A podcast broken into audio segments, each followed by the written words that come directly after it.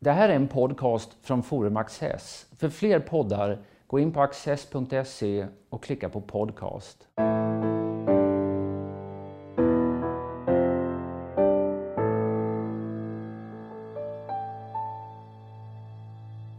Välkomna till Studio Access. Eh, min gäst idag är författaren Torbjörn Elensky. Varmt välkommen. Tackar, tackar. Du eh, säger att religionens former nu Ja. söker sig in i politiken. Vad menar du med det? Jag menar att... Eh, alltså jag menar egentligen ett par olika saker. Dels menar jag att de, den världsbild vi har och som vi bygger våra ställningstaganden och våra rationella överväganden på i grunden vilar på någon sorts religiöst fundament. Religiöst egentligen i den märk- bemärkelsen att det är så att säga någonstans för rationellt. Och med det menar jag inte att religion är irrationellt nödvändigtvis. Däremot att det finns eh, avgöranden så att säga om eh, individ respektive kollektiv, personligt ansvar, eh, hand, yt, handlings, eh, viljans frihet.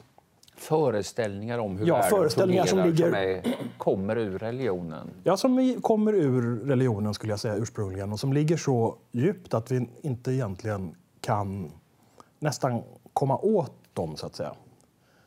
Eh, med, med kritiskt tänkande. Det går naturligtvis om man vill. Det finns ju diskussioner nu om huruvida fri vilja egentligen finns och så vidare och vad som konstituerar en individ. Men det är allt ganska eh, filosofiska och, och svåra frågeställningar som knappast påverkar folk i vardagen. Den vardagliga uppfattningen tror jag här är att man är en individ, man har fri vilja, man har ansvar för sina handlingar. Och det där är inte självklarheter skulle jag vilja påstå, det är saker som har sitt ursprung egentligen i kristendom och judendom från början. I de versioner vi har de här. Och det var det ena av två sätt på vilket religion Ja. kom in i politiken. Och det andra det är ju det här speciella att en viss typ av eh, entusiasm, närmast väckelserörelsemässig entusiasm har letat sig in i politiken på senare år. Inte minst då kring eh, flyktingsituationen eh, 2015 och sånt där. Det uppstod ett läge där eh, man så att säga var nästan tvungen att sluta upp bakom en tro på att det här är en sorts, jag vet inte, ett stort ögonblick, ett frälsande ögonblick, någonting som på något sätt skulle förändra livet nästan här. Nu vänder det. Det var här återkommande, när den här stackars pojken låg på stranden, när manifestationen var på Medborgarplatsen 2015 och så vidare. Det var en känsla av att nu, äntligen slår allting om. Nu blir vi frälsta, nu ser vi ljuset. Nu är det slut på då ondskan som är rasism och SD och såna saker. Sen blev det ju inte så riktigt utan, utan eh, de pragmatiska politikerna stängde gränsen i stort sett samtidigt som de höll de här fantastiska predikningarna om hur öppet och stort det var att mitt Europa bygger inga murar och såna saker. Alltså det här med det förrationella och det vi... Ja. Jag vet inte hur man ska uttrycka. Man får med sig det i modersmjölken. För det är klart att Tittar man på såna här internationella jämförelser, det finns någon som heter World Value Ja. Survey som man hela tiden brukar referera till. Där ligger Sverige som en ex extremnation i Ja. själva verket. Eh, I stort sett utan religiöst eh, liv. Eh, eh, medan du, eh, om jag förstår dig rätt, så menar du att den här eh, religionen eller ett arv från religionen genomsyrar tillvaron vare sig vi vill det eller inte. Ja, det skulle jag säga. Och då i Sveriges fall så är det ju dessutom specifikt ett eh, protestantiskt arv. Eh, Det är ju lite vanskligt att, att dra den där typen av skarpa gränser mellan olika inriktningar. Men det finns en del grundläggande saker man kan ta fasta på när det gäller till exempel skillnaden just mellan katolicism och protestantism. Jag vet, jag kommer ihåg att när Dramaten för många år sedan satte upp, eh, de gjorde en scenversion av Clockwork Orange av Anthony Burgess. Då fick jag en känsla av när jag såg den att på slutet så hade inte de riktigt i uppsättningen förstått att det här egentligen är en katolsk bok som handlar om det centrala i katolicismen, nämligen viljans frihet. Att människan är fri att välja själv och ha eget ansvar. Utan i den här så mynnade det liksom, svenska scenuppsättningen mynnade det ut i att, i att ja, det hade varit någon sorts ungdomliga försyndelser och så insåg han att man skulle inte vara dum mot andra. Och så är det ju inte, så att säga. Men är det en bristande lyhördhet just för en katolsk tradition eller för ett religiöst språk? Ja, men det tror jag, jag tror att det skiljer från den katolska traditionen. Alltså det svenska, som jag uppfattar det, handlar väldigt mycket om det här formeln genom tron alena. Alltså. Man ska ha den rätta tron. Och sen är det inte så där jätteviktigt alltid vad man gör, har jag en känsla av. Det är därför inte folk blir jätte, jätteupprörda när en politiker i ena stunden kan säga mitt Europa bygger inga murar och sen faktiskt resa en sorts bildligt talat mur själv.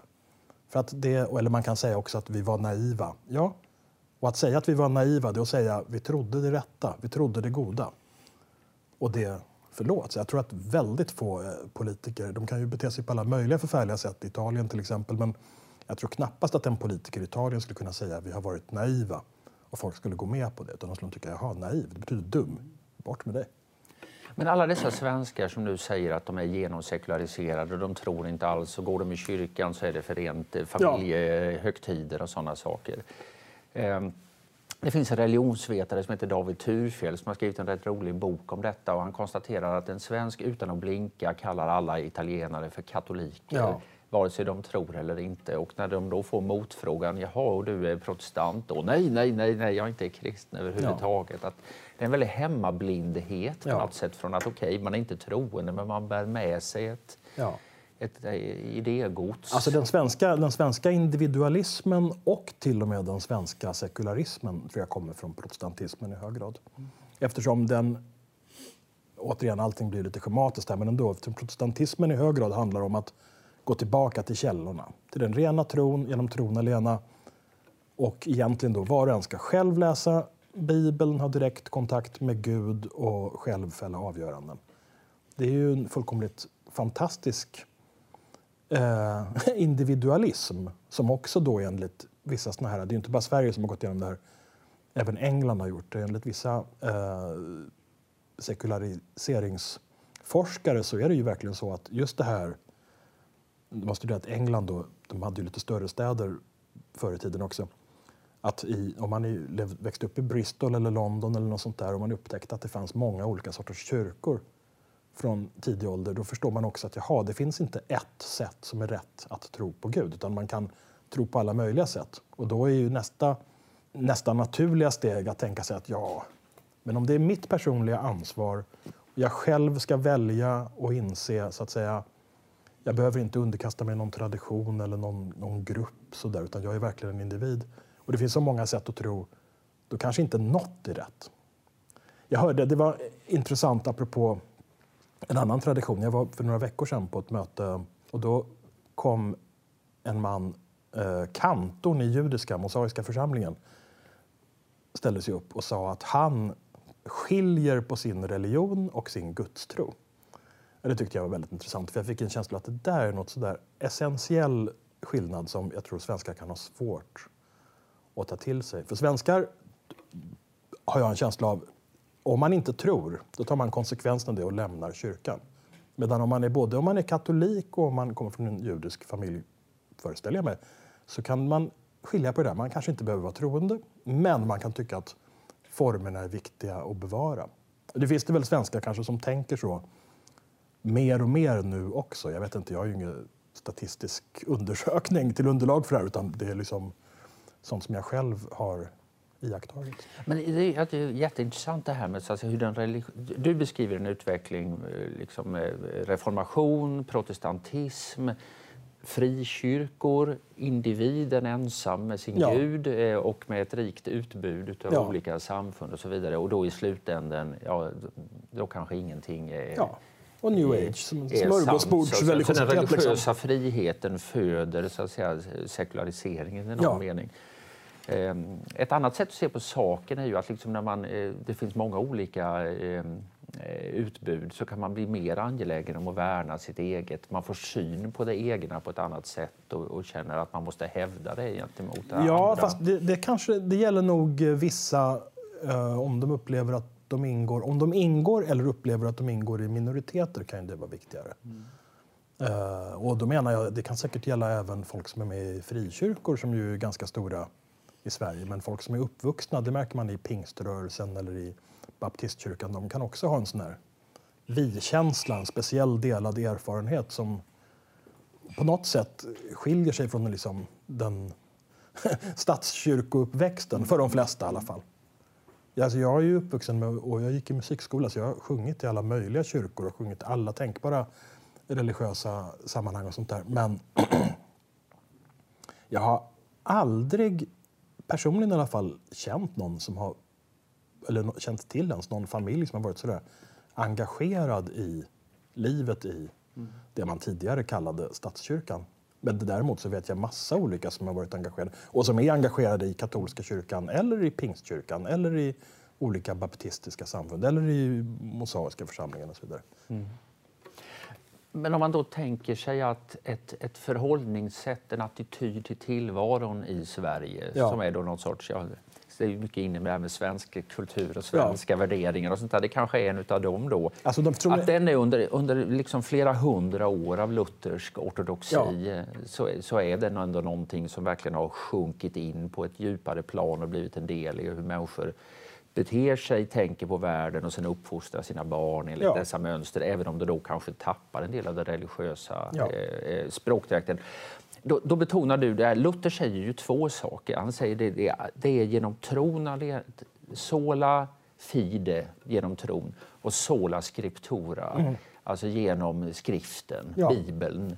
Um, och om man då ska ta, föra tillbaka diskussionen till det här med religionens länk till politiken då får du dels det här, det viktiga är att tro det rätta. Ja. Och då kan en sån här uttalande som att vi har varit naiva, det kan nästan bli en sorts hedersbetygelse. Absolut. Vi, vi har trott det rätta, men eh, ja, sen var verkligheten inte riktigt beskaffad på det sättet, så vi var tvungna att justera det. Men vi var, vi var på rätt väg i alla fall.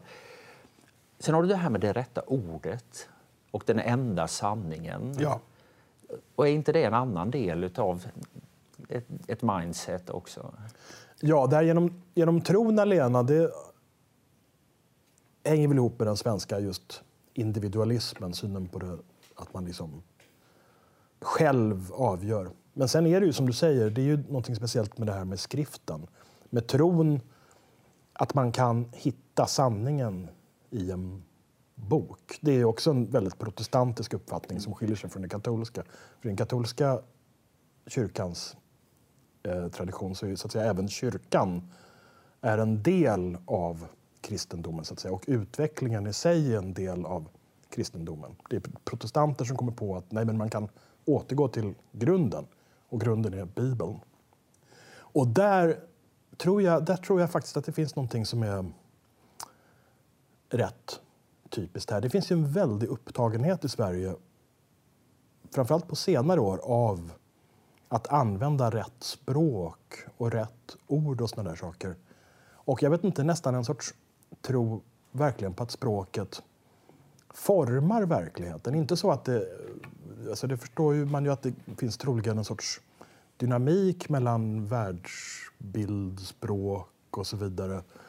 Men här är det som att folk verkligen tror att om man byter man ord, börjar man säga hen eller orten istället för förort och så vidare, då förändrar man så att säga själva essensen i de där grejerna. Jag vet inte om det har någonting att göra med det här skriptora-grejen. Men för mig verkar det nästan som en sorts det, det är Magi! Som, ja, shamanism. ja, det är shamanism ja, eller något sånt där, liksom. Att man, man, man ska, det rätta hemliga ja. namnet. Ja. En annan sak som är intressant, som, som jag uppfattar då, om man ska prata om svensk karaktär och svensk tradition.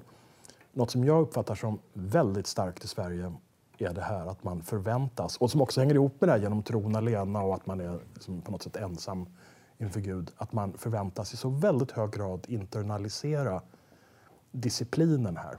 Man förväntas liksom eh, självdisciplinera sig på ett sätt från tidig ålder. Och jag tror dessutom, eh, spekulativ här, jag tror att det här är en av de sakerna som faktiskt skapar problem för vissa som kommer från invandrade familjer och som har en annan tradition. Där så att säga, om jag säger så, disciplinen kommer utifrån mm. och kan ta sig då också fysiska former, vilket ju vi tycker är absolut fel och naturligtvis är det inte bra. Men ibland så har jag en känsla av att det här att tvinga folk att internalisera disciplinen, det kan vara väl så våldsamt i någon överförd bemärkelse som det här att tvinga någon att lyda, annars får den smisk. Liksom. Och det här är ingen försvar för barnaga och sånt, men jag menar bara att det finns, det finns olika sätt att förhålla sig till det här som inte nödvändigtvis... Det är inte nödvändigtvis så att det här svenska bara är snällt. Att tvinga folk in i det här, den, internal, den internaliserade disciplinen. Liksom. Som jag också då uppfattar som någonting essentiellt protestantiskt och svenskt. Om det är så att den här, vi har en självbild med oss som handlar om eh, eh värdet av den eh, övertygelsen och, ja. och, den, och, och, tron, å ena sidan. Men det finns ju också en svensk självbild som har att göra väldigt mycket. Vi är ett folk av ingenjörer, eh, funktionalism, det praktiska. Man ska inte hålla på med en massa eh, Ja, gamla vackra hus är nog bra, men står de i vägen och man skulle kunna bygga ett bra parkeringshus på just det stället och petar man ner det där. Alltså, det är en väldigt osentimental eh, och det... krass inställning i någon mening. Ja. Eh, och liksom vi tänker ut välfärdssystem som ska vara perfekta för alla. Sånt där. Inte det, här, det är inte en krock som du ser det? Nej, inte en krock nödvändigtvis. Men, men äh, jag undrar om inte en del av de där sakerna i själva verket kommer från ytterligare en annan religion. Eller inte en annan religion, men en annan, en annan riktning inom kristendomen. Att det har inympats i oss genom de här holländska kalvinisterna. Som ju är de som är så viktiga för att bygga upp svensk industri och svenska brukssamhällen och eh, skeppsbyggnad och ingenjörskonst och sånt. För de är ju verkligen för det här osentimentala ordning och organisera. Det är som någonting som är lite inympat. Det är liksom ännu ett steg mer än det som vi har fått i oss inom statskyrkan, liksom, men som finns där. Eller också, för att pröva en hypotes, ja. så är det så att tron som du, eh, eller behovet av tro som du beskriver är konstant. Ja. Men att det kanaliseras på olika sätt vid ja, olika tider. Det att man under en efterkrigstid av fred och sekularisering, ja. då är det samhällsbygget som blir en sorts statsreligion eh, ja. nästan. Eh, och sen eh, söker sig den där tron andra utrymmen och då blir det kanske det här hur ska man säga, den starkt känslopräglade eh, tron på en eh, Sverige ska frälsa världen och Sverige som föregångsland eh, i bistånd där borta och i ja. flyktingmottagande här hemma. Ja. Det är bara en ren spekulation. Ja, nej, men det, ja. det här är spekulation allting. Jag tycker, jag tycker det är intressant hur, hur självbilder kan fortplanta sig så att säga, och förändra sitt innehåll men ändå kanske ha kvar delvis sin struktur. För jag menar, idén att Sverige ska frälsa världen det är ju någonting som också hänger ihop med protestantismen. När vi gick in i 30-åriga kriget var det ju för att befria folk och rädda folk och så vidare. Sen har vi naturligtvis på grund av bristande resurser inte minst blivit lite mer, ägnat oss mer åt att göra det symboliskt och i ord och med form av bistånd och såna saker. Men, men eh, det är ju fortfarande som att Sverige har en sorts det finns ju en direkt... Gustav II Adolf till Palme. Det är liksom... ja, möjligen var det någon paus däremellan. ja, paus, men, men, det, men det är klart att på, redan på 1800-talet har du ju en, bokstavligen missionsverksamhet ja. eh, med den svenska både frikyrkligheten och eh, kanske i viss utsträckning statskyrkan. Men har som inte... verkligen bokstavligen missionerade i andra länder. Och, eh, det arvet har väl också traderats ja, in i, i Men sen har, väl, har, har inte Socialdemokraterna då i väldigt hög grad både tagit upp någon sorts sån här bruksmentalitet, det här ursprungligen kalvinistiska, då, kryptokalvinistiska, holländarnas arbetsetik och moral och någon sån här, jag menar för det var ju trots allt så att när Sverige var inte särskilt mäktigt i världen under slutet av 1800-talet eller under 1800-talet. Men det var ändå då som den här historieskrivningen och förhärligandet av Gustav Vasa, Gustav II Adolf och för all del Karl X då, liksom, som väl var först med att ta hit holländare dessutom om jag inte misstar mig. Um, och valloner och sånt där förstås. Att, det är klart att Luther får ju ofta då skulden eller vad man ska säga, ja. för den här svenska arbetsmoralen och dygdeetiken och sånt där. Men Luther var ju mer inriktad på tron och skriften ja. och tyckte rätt mycket om det goda livet i själva verket. Ja. Eh, och eh, visste ju åtminstone inledningsvis inte om att han var lutheran eh, utan trodde han var en kristen i, katolska, ja. i, i den katolska miljön. Eh, så det är klart, det kanske är en kombination av olika importer här. Eh, ja, alltså och de har inte... båda haft rätt lång tid på sig att verka i det svenska samhället. Ja, sen är det ju väldigt speciellt att den svenska kyrkan under så fruktansvärt lång tid har varit så nära knuten till staten och till mm. den offentliga maktutövningen. Liksom. Och även till universitetsväsen och allting. Det är ju i själva verket en del såna här personer, ja, en del personer då till exempel folk som emot islam. De brukar ju återkommande säga att islam skiljer man inte på kyrkan och staten, men det gör man i kristendomen. Ja, fast i Sverige skilde vi inte på kyrkan och staten under bra många hundra år. Liksom. Och det sitter fortfarande i och det tycker jag man kan nästan få en känsla av i dagens då icke längre statskyrka. Att de på något sätt uppfattar det som att de har någon sorts politiskt uppdrag. Mm. Och, och, kanske i någon mening vice versa då med så att säga, moraliseringen ja, ja. av politiken. Absolut. Eh, även om eh, äktenskapet pro forma är upplöst ja. så finns fantom ja, det, smärtorna kvar definitivt. eller känslorna kvar. Det är ju inte så länge sedan det ändrades. För att återgå lite grann, du, det, det, här var det ena så att säga, av dina spår då. Ja. Så att säga, eh, eh, tron och kanske ordet. Det andra är entusiasmen, ja. ivern. Ja. Eh, kan du utveckla det ytterligare lite? Ja, alltså entusiasm från början är ett ord som började användas i England under 1600-talet som beteckning på just de här som är med i stora väckelserörelser. Eh, alltså shakers och quakers och alla såna där som är oerhört eh, ja, de är entusiastiska helt enkelt. Och de har ju ofta idéer om att man överhuvudtaget inte ska bry sig om Bibeln ens. Så det, det, skripturan åkte ut genom fönstret. Eh, delvis i alla fall där. Utan man ska liksom bara känna direkt kontakt med Gud. Det där finns ju också i vissa såna här frikyrkotraditioner här. Liksom. Man ska känna, man ska tala i tungor, man ska... Och på något sätt så har jag en känsla av Alltså det där är en annan stor underström i Sverige. I folkrörelse-Sverige, i det Sverige som har utvecklat de idéer vi nu tar för givet just om eh, samvetsfrihet och personligt ansvar, så att säga. yttrandefrihet, allt sånt där. Jag menar, det, det är något som jag återkommer till gång på gång. Att frikyrkorörelsen i själva verket har varit oerhört viktig för att lägga grunden för det. För både liberalism och socialdemokrati egentligen i Sverige. Men om man ska ägna sig åt lite amatörpsykologi ja. här då, eh, skulle man kunna tänka sig att det finns ett religiöst behov ja. eh, hos människan men de religiösa traditionella formerna känns intolkade och oanvändbara. Alltså statskyrkan förmår inte locka människor. Den kanske aldrig var så stor när det gällde entusiasm heller. Nej, inte just den, men eh, absolut. Eh, men att, liksom när, att det religiösa behovet kommer till uttryck på andra sätt. Som ja. i den här, du, du fäster dig särskilt vid den här eh, hösten 2015 ja, ja. Och, och den här väldiga uppblossande Eh, ja, alltså det är en kombination att, att man, stämningen. Ja, för att det är ju någonting som gör att det går att jämföra med den här religiösa entusiasmen, väckelserörelseentusiasmen. Det är att det kom ett läge där det överhuvudtaget inte gick att diskutera. Jag vet inte om vi har kommit ur det riktigt än. Fortfarande så har jag en känsla av, jag menar oavsett, och det handlar inte om att jag tar ställning i frågorna, inte heller när det gäller akademin och sånt där, men det finns en viss typ av sån här uppblossande aktivism som kan vara för en god sak men som tar sig former som är ja, väckelserörelseaktiga i den bemärkelsen att, att eh, de, inga nyanser tillåts. Det tillåts ingen diskussion.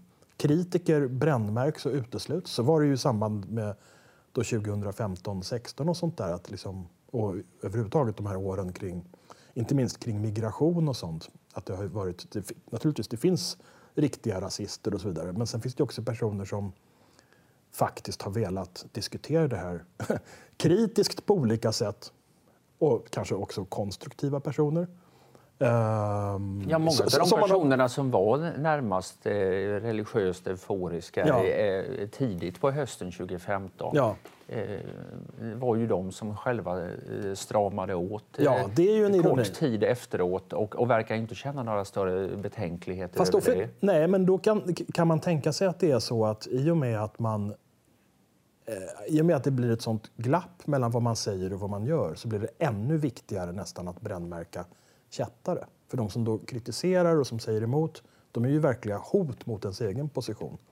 Så man, gör, man, man vill ha samma politiska beslut men de ena har först en god vilja och tvingas sen eh, tung, med tungt sinne att fatta alltså, det här beslutet? Jag tror ju, jag tror ju att, ja. jag tror att svenska politiker i själva verket många, eh, inte minst socialdemokrater i ledande ställning och moderater och sånt, de är mycket mer de har mycket bättre grepp om verkliga förhållanden och är mycket mer pragmatiska än vad det ibland liksom har varit lämpligt för dem på senare år att visa upp, om jag säger så. Eftersom det varenda gång någon säger någonting och pratar om begränsning eller om kvoter och så vidare, då är det alltid någon som påstår att de flörtar med SD-väljare, de fiskar i grumliga vatten och de är kanske egentligen rasister. Och så kan man ju, när det gäller vem som helst numera, så kan man ju tråla lite grann och så hittar man någonstans där den har sagt något dumt. Den har använt ett felaktigt ord. Ja, just, som ja. till och med Åsa Romson som då eh, först, först kallar hon Medelhavet för ett nytt Auschwitz, vilket ju är fullkomligt, fullkomligt bisarrt yttrande på alla sätt. Och sen när hon ska be om ursäkt för det här så råkar hon säga zigenare, vilket ju man inte säger längre av flera olika skäl. Men jag menar, jag tror inte att hon nödvändigtvis är rasist för det. Men hon fick först pudla för att hon sa den här dumma saken om Auschwitz, sen får hon med fel ord. Och det, det, är ju någonting som är lite, lite galet i den här jakten på folk som har sagt fel saker. Eller för den delen, jag menar det förekommer ju även på Facebook, folk jagar folk som har fel kontakter, folk letar efter underliga, om man likat någonting som någon har lagt ut som inte tillhör, om man likar en post av, säg Tino Sanandaji, då kan man råka ut för att någon skriver till en och säger att du vet att du har likat den här, du vet att han är vän med den och den. Alltså det, det är fullkomligt vansinnigt. Det är en sorts... Så ska man fortsätta parallellerna med religionen så är det här en modern form av kätteri? Ja, det är det ju absolut. Det är det absolut. Och då säger jag återigen att kanske blir det där, de där tendenserna ännu starkare för att man inte egentligen vill diskutera de här sakerna rationellt och kyligt. För man inser att vad man än bestämmer då kommer man vara tvungen att ta obehagliga beslut som kommer att drabba folk. Så man ska se till att säga det goda medan ja. tid är på något sätt? Ja, på något sätt. Och så hoppas att det fäster. Liksom. Men eftersom man, det är väldigt svårt kanske ibland att argumentera för det Helt enkelt. Det är svårt att argumentera för det sakligt och då måste man så att säga, med desto större eh, moralistisk kraft och entusiasm trycka ut alla som hotar det här. Liksom. Man kan inte ha folk som, som säger emot liksom, in, in i det här. För att man vet att man själv har någonstans, kanske inte fel moraliskt, men man kan ha fel sakligt eller vara för kortsiktig och så vidare. Torbjörn Lenski, ja. Eh, tack för att du har varit med oss. Mycket tankeväckande. Tack för att jag fick komma. Mycket att filosofera över eh, framöver här. Eh, och tack ska ni ha för att ni har tittat.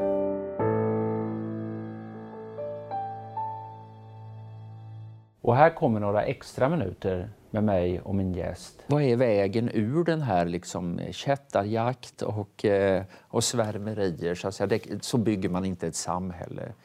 Utan ett samhälle bygger man ju ändå liksom på en, i grunden en sorts eh, förnuftig eh, eh utbyte av eh, åsikter och, och, och, perspektiv och så småningom eh, kompromisser och beslut eh, ja.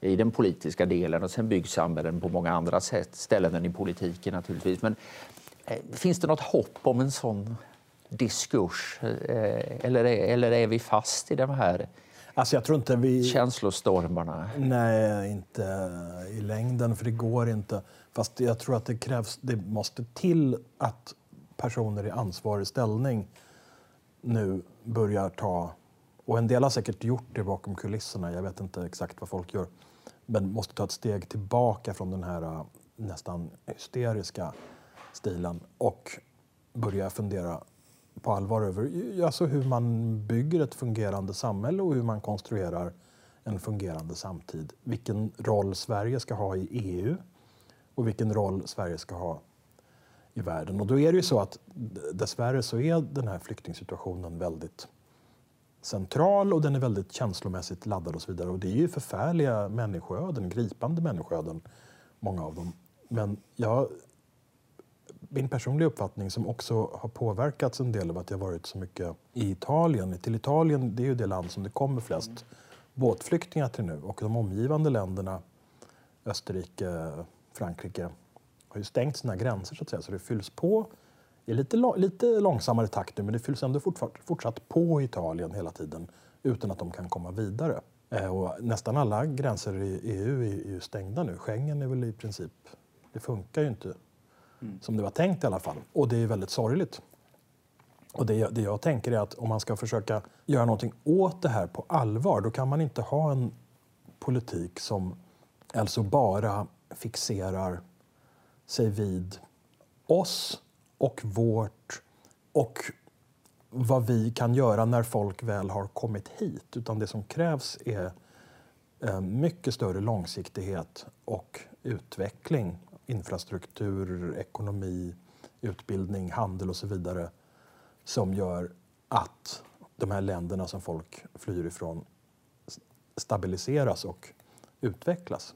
För det är ju alla stora olyckor i världen nu i stort sett eh, beror ju på dålig politik helt enkelt. I de här länderna och visavi de här länderna.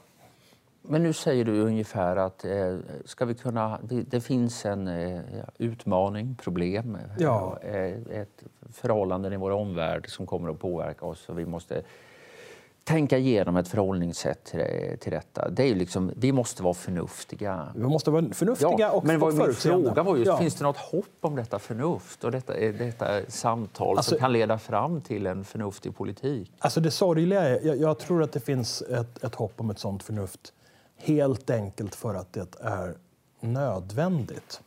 Men jag tror inte att det finns jättestort hopp om att Sverige kommer att vara ledande i det här eftersom man i Sverige är så oerhört upptagen av att fortsätta att spela rollen av världssamvete och moralisk stormakt och sånt där. Eh, och jag menar, ska vi göra en... Vi är ett oerhört litet land. Vi är som en liten tysk delstat.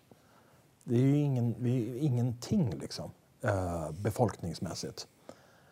Och ska vi göra någonting... Nu är ju alla, eller många ledande politiker och diplomater så är väldigt förtjusta i FN och så, fast jag tycker nog att man skulle titta ännu mer på EU, vad man kan göra i EU och genom EU gentemot eh, grannländerna och så vidare. För att jag menar, det är väl bra att förhandla med olika ledare och sånt via FN, men det, det viktigaste skulle jag säga, och då menar jag inte bara på några kvartals eller några mandatperioders tid utan på decennier, så nästan århundradens tid. Det viktiga är ju liksom utveckling som bygger på Ja, handel och sånt, inte minst. Handel, teknisk utveckling och så vidare. Om man pratar om det här med känslosvall inför eh, ja. migrationsfrågan så kan man ju säga att initialt eh, så var det starkaste känslosvallet det vi har pratat om ja. nu mycket, att, att liksom eh, wir schaffen das och ja. vi bygger inga murar och allt detta.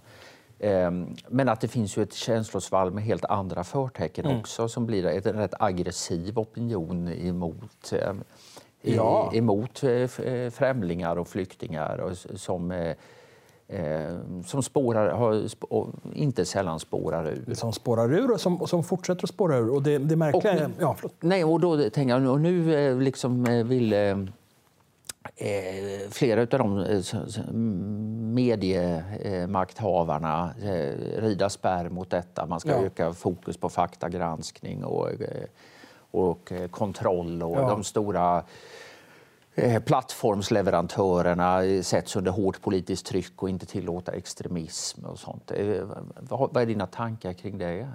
Alltså jag tycker ju att konsekvensneutralitet och faktagranskning och sånt där och en viss kylighet närmast borde vara grunden i all journalistik som inte då är opinionsjournalistik från början. Så jag förstår inte att det här inte skulle vara deras arbetsuppgift. När de införde det här Nu har han väl förnekat sen att de skulle ägna sig åt det, men den här med agendadrivande journalistik, då underminerade de i själva verket hela sin trovärdigheten för hela sin institution. Och det tror jag både public ja, men Dagens Nyheter säger ju att de med det avsåg att man skulle intressera sig för frågor och spela upp frågor som Ja, men okej, okay, men, fick, men, men sen gjorde man ju inte det på ett, om jag säger så, som jag har fattat det, på ett, på ett riktigt, riktigt sakligt sätt. Alltså problemet när det gäller det här Alltså det är ju inget problem när det gäller svartvita saker. Nazister som ljuger om förintelsen. Det är uppenbarligen falskt, uppenbarligen en lögn. Men väldigt, det mesta skulle jag säga av det vi diskuterar och pratar om hit och dit, det är ju mycket mer gråskalor och tolkningsfrågor och saker som har att göra med vilken eh, ideologisk inställning man själv har. Liksom. Tycker man att invandring berikar eller att det förstör? Nej, de flesta tycker väl antagligen någonting kanske lite mer sammansatt, ärligt talat. Ja, ja. Det är inte och, sådär. Jag menar, det är, inte, det, det, är också den här märkliga uppdelningen att måste man vara helt för eller helt mot, helt svart eller helt, så enkelt är det ju faktiskt inte. Och när vi nu har en sån här situation där väldigt många människor och inte minst då folk som är SD-sympatisörer och sånt redan har lågt förtroende för etablerade medier och alternativa medier av olika slag blir starkare och starkare i Sverige. Då, då är det fullkomligt galet, säger jag, att bygga den typen av gemensam plattform som på något sätt bekräftar eh, SD-folkets uppfattning att ja, här finns en sorts propagandaministerium som håller ihop. Liksom. Och det finns ju kritik mot det här även från, från vänster nu. Åsa Linderborg har skrivit mycket bra om det där, tycker jag. Liksom. Men det är som att de här personerna som bestämmer om de här sakerna, de har fortfarande inte förstått att, det, det, det, att deras position eller positioner faktiskt ser kan se lite bekymmersam ut det utifrån och för rätt många väljare nu för tiden. Det känns lite som att vad, vad som eh, behövs här är att en rejäl dos med ja, svalka och ja, nej men, alltså jag säger analys det. och distans. Svalka, analys, system, metod. Sen är ju ett annat problem alltid oavsett om man pratar om nyhetsförmedling eller då i och för sig eh, hur man ska uppfatta världen och beskriva världen. Det är alltid ett problem med hur man ska avgränsa en fråga eller en problematik. Intressant. Ska man välja att studera hur det slår i en viss kommun, i Jo eller Husby? Ska man välja hur det slår i ett land? Någon viss utveckling, globalisering, ekonomiska förhållanden, migration? Ska man titta på EU eller ska man titta på hela världen? Världen är ju inte precis ett sammanhängande system så där som man kan tro, men det finns ju vissa delar som hänger ihop så att säga mer än andra och där det finns så att säga, strömningar som går på olika sätt, både av folk och idéer och ekonomi och så vidare. Som jag uppfattar det så måste vi ta många steg tillbaka, många glas kallt vatten och kanske kallt vatten i pannan också och så försöka analysera långsiktigt och med stora perspektiv. Och inte minst nu, det här blir ännu mer aktuellt nu, att vi håller på och tjafsar fram och tillbaka inom EU istället för att samarbeta. Och att vi låter den här migrationsfrågorna inte minst och liksom symbolfrågan islam formligen, alltså att man är beredd att offra EU för de här sakerna. Det är dåligt för alla, inklusive för de som behöver fly, för det kommer ju folk alltid behöva göra. Det känns... Men, inte minst inför det här det kinesiska. Och nu vill jag inte prata om något kinesiskt hot sådär, men det är ju ändå uppenbarligen så att kineserna med sin nya sidenväg och, sådär, de har, och sina investeringar i Afrika, sina handelsplaner, sitt samarbete med länder i östra Europa, så att säga, de har egna diskussionsgrupper. De har köpt hamnen i Pireus. De har uppenbarligen en plan som är väldigt långsiktig. Inte ens en femårsplan bara kanske, utan en 50 eller 100-årsplan. Och det är det vi också måste ha. Vi måste börja tänka i sådana riktigt långa spann tror jag. För det är, fort, det är så, jag har en sån här fånig käpphäst. För några år sedan pratade man om the one percent, den rikaste en procenten. Men jag skulle vilja prata om the one percent som är färre än en procent till och med, nämligen de här flyktingarna. Och om man vänder på det så ser man att 99 procent bor kvar i byar, i städer, i förorter, vad du vill. Det är de som man så att säga proaktivt måste arbeta med och för, för framtiden. På olika sätt. Det kan handla både om klimat, handel, utbildning, infrastruktur. Kineserna gör det från sitt håll. Vad ska vi göra? Ska vi sitta här och, och liksom ja. plåstra? Vi får nalkas dessa svåra frågor med liksom en nykter blick. Och det känns, eh, denna vår inte minst, hemskt att efterlysa mer svalka. Ja, tyvärr. tyvärr. Men, eh, men så får det bli. Torbjörn Elensky, stort tack. Tack själv.